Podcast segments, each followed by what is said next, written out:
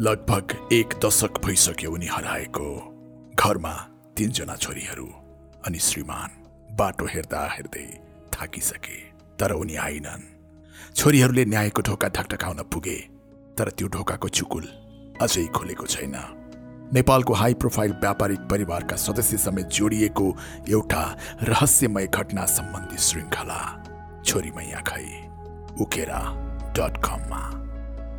खोजमूलक पत्रकारितामा आफ्नो बेग्लै पहिचान बनाइसकेका पत्रकार उमेश श्रेष्ठको नेतृत्व अनि पत्रकार प्रजु पन्तको सहकार्यमा उकेरा डट कमले छोरीमैया महर्जन हराएको यो केसका विभिन्न पाटाहरूबारे विस्तृत अनुसन्धानमूलक रिपोर्टिङको यो श्रृङ्खला अघि बढाइरहेको छ। यसै क्रममा विभिन्न नयाँ अनि अकल्पनीय कुराहरू पनि बाहिर आइरहेका छन्। छोरीमैया खै श्रृङ्खला छ? अनुसन्धानमा छुटेको एसएमएसको महत्त्वपूर्ण क्लु। छोरीमैया खै श्रृङ्खला अन्तर्गत पाँचौँ भागमा हामीले छोरीमैयाको मोबाइलबाट हराएको दिन राति आठ बजीतिर कान्छी छोरी सुधाको मोबाइलमा आएको एसएमएसबारे चर्चा गरेका थियौँ। साथै अङ्ग्रेजी टाइप गर्न नजान्ने भनिए कि उनको मोबाइलका पुराना एसएमएस डिटेल प्रहरीले अनुसन्धान गर्दा एउटा शङ्कास्पद एसएमएस पठाएको देखिएको विषय समेटेका थियौँ। छोरी मैयाको मोबाइलका दुईवटा एसएमएस शङ्कास्पद देखिए। एउटा राति सात बजेर त्रिपन्न मिनटमा छोरी मैयाको मोबाइलबाट सुधाको मोबाइलमा आएको जसमा लेखिएको थियो म मनकामनामा छु साथी पनि छ पर्सि आउँछु अङ्ग्रेजी टाइप गर्न नआउने छोरी मैयाको मोबाइलबाट आएको यो एसएमएसको अनुसन्धान महत्त्वपूर्ण क्लु हुन सक्थ्यो। तर प्रहरीले यसलाई मिसिलमा समेत राखेन र अदालतले घटनाको एघार महिनापछि एसएमएस आएको हो कि होइन भन्दै टेलिकमलाई पत्र लेख्ने र टेलिकमले मेसेज डिलिट भइसकेको जानकारी दिने काम भयो। अर्को घटनाभन्दा बयालिस दिन अघि बिहान नौ बजेर सत्र मिनटमा नेपाल टेलिकमको प्रिपेड मोबाइल अन्ठानब्बे एकचालिसबाट सुरु हुने र तिन सय चौतिसमा अन्त्य हुने नम्बरमा पठाइएको एसएमएस। त्यसमा लेखिएको थियो for that I can't take this anymore I can't live like this यसको रहस्य बताउनुभन्दा पहिले हामी यस्तै खालको एसएमएस जोडिएको एउटा केसबारे बताउन तपाईँलाई एकैछिन बेलायततिर लैजाँदैछौँ। नसुल्झिएको रहस्य। अठार जुन दुई हजार एकका दिन ड्यानियल इस्ट टिलबरी स्थित आफ्नो घरबाट स्कुल जाँदै थिइन्। उनलाई अन्तिम पटक स्कुल बस चढ्न जाँदै गरेको देखिएको थियो। तर न उनी स्कुलमा पुगिन् न बस नै चढेको देखियो। कहाँ गइन् कता पुगिन् बिस वर्ष भयो अझै पत्ता लागेको छैन। अनुसन्धान गरिरहेको प्रहरीले किशोरीको हत्या भइसकेको ठहर गरिसक्यो तर अहिलेसम्म सब भेटिएको छैन। उनलाई कहाँ के गरियो भन्ने क्लुसम्म पाउन सकेको छैन। हराएकै दिन उनको मोबाइलबाट अङ्कल स्टुअर्ट जेम्स क्याम्पवेलमा मोबाइलमा एसएमएस गएको थियो जसमा लेखिएको थियो हाइस to thanks for being so nice you are the best uncle ever tell mom I am so sorry love ya load stand x x x अनुसन्धान गरिरहेको प्रहरीको सुरुमै शङ्का उनै क्याम्पवेल प्रति नै थियो र हराएको पाँच दिनमै गिरफ्तार पनि नगरिएको होइन तर ठोस प्रमाण जुट्न सकिरहेको थिएन। अन्तत डेढ वर्षपछि उनैलाई अभियुक्त बनाई अदालतमा पेश गरियो र अदालतले पनि अपहरणका लागि दस वर्ष र हत्याका लागि बिस वर्ष जेल सजाय सुनायो। लासै फेला नपरे पनि हत्यामा दोषी ठहर गर्नका लागि त्यही एसएमएस र अन्य केही परिस्थिति जन्य प्रमाणहरू प्रस्तुत गरिएका थिए। नत्र त क्याम्पवेलले इन्कारी बयान नै गरिरहेका थिए। यो केसलाई टुङ्गोमा पुर्याउन यो एसएमएसमा गरिएको अनुसन्धान पनि प्रमुख थियो। क्याम्पवेलले हराएकी भान्जुले आफूलाई एसएमएस पठाएको प्रमाण पेश गरेका थिए। त्यति बेला आफू जुन ठाउँमा रहेको भनेर उनले दावी गरेका थिए त्यो ठाउँमा उनको मोबाइल लोकेसन पनि देखिएन। ड्यानियलका अरू मेसेजहरू हेर्दा जहिले पनि लोवर केसमा मेसेज पठाएको भेटियो। यसमा भने अप्पर केसमा। फरेन्सिक अथरसिप एनालाइसिसले त्यो एसएमएस ड्यानियलले नलेखेको ठहर गर्यो। बरु त्यसको स्टाइल क्याम्पवेलको जस्तो पो देखियो। बेलायतमा मर्डर केसमा लिङ्ग्विस्टिक एभिडेन्स प्रयोग भएको यो पहिलो केस थियो। ड्यानियलले एसएमएस पठाउँदा र क्याम्पवेलले पाउँदा उनीहरूको मोबाइल एउटै क्षेत्रमा एक्टिभ भएको पनि देखियो जसले त्यो मेसेज क्याम्पवेल आफैले ड्यानियलको मोबाइलबाट आफैलाई पठाएको जिकिर अनुसन्धानकर्ताहरूको थियो। अदालतले त्यसलाई स्वीकार्यो। एक प्रहरी अधिकारीले भनेका छन् यो केस क्लोज भएको छैन। ड्यानियलको लास नभेटिँदासम्म र परिवारलाई नफर्काउँदासम्म केस ओपन नै रहनेछ। यो मुद्दामा एसएमएसलाई प्रमाणका रूपमा राखेर चर्चा भएपछि युनिभर्सिटी अफ लेस्टरले अपराध अनुसन्धानमा यस्ता म्यासेजहरूको अथरसिप एनालाइसिसको फरेन्सिक रिसर्चबारे अध्ययन गरेको थियो। क्लु बनेको एसएमएस। अब हामी तपाईँहरूको ध्यान फेरि एकपटक इङ्ल्यान्डकै नर्थ योर्कसायर स्थित रिचमन्ड एरियातर्फ लान चाहन्छौँ। उन्नाइस वर्षीय जेनी निकोल त्यहाँ आफ्नो परिवारसँग बस्थेन्। म आज राति फर्किन्न है साथीहरूसँग हुन्छु घुमघाम गर्छौँ। तिस जुन दुई हजार पाँचका दिन यसो भनेर घर बाहिर निस्केकी उनले क्याम्पिङका सामानहरू पनि साथै लगेकी थिइन्। साँझ छ बजे निस्किएकी उनी त्यसपछि घर फर्किनन्।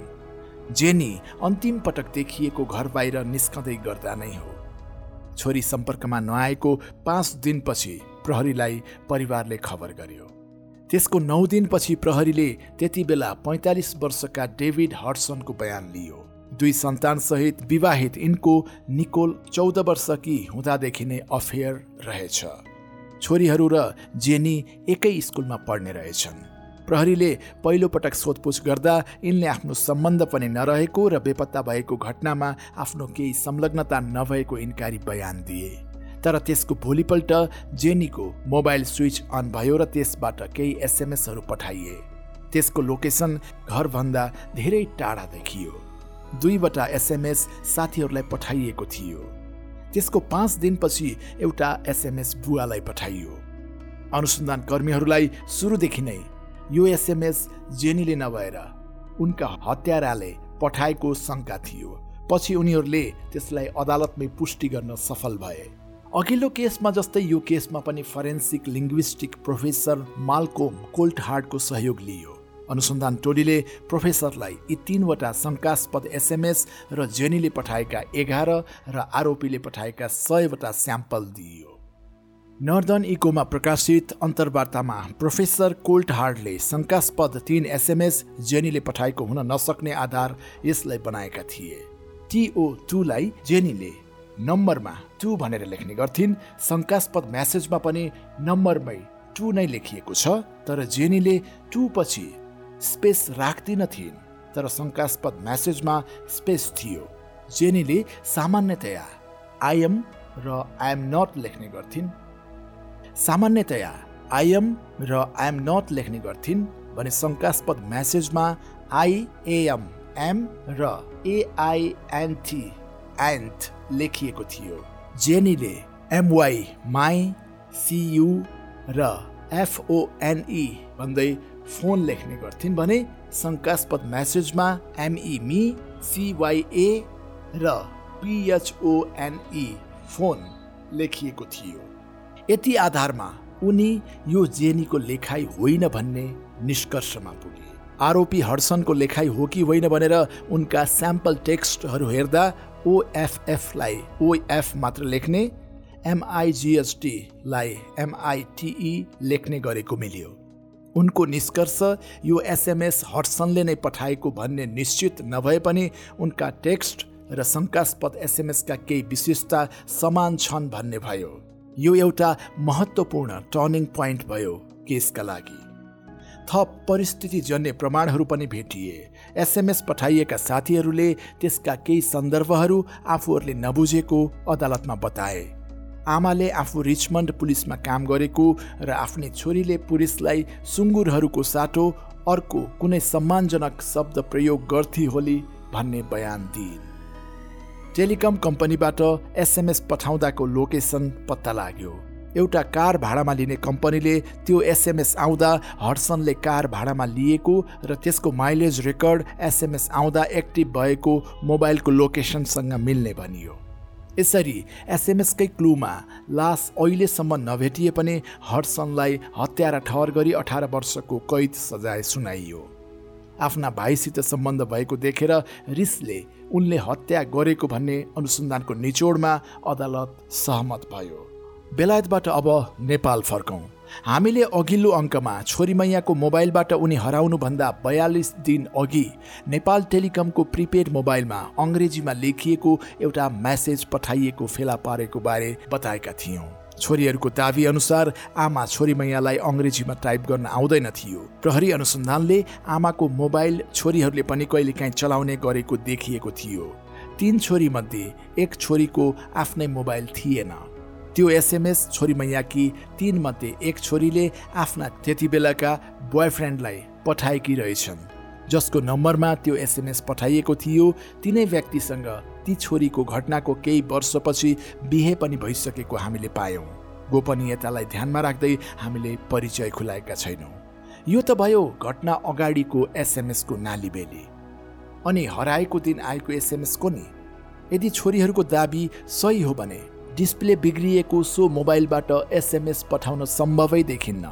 आमालाई अङ्ग्रेजी टाइप गर्न नआउने र कहिल्यै मेसेज नै नगर्ने दाबी सही हो भने त्यो एसएमएस पक्कै छोरी मायाले नभएर उनीसित भएको अर्कै व्यक्तिले पठाएको हुनुपर्छ भन्ने त निश्चितै हो। तर अनुसन्धानका लागि यति महत्त्वपूर्ण क्लुलाई किन छुटाइयो?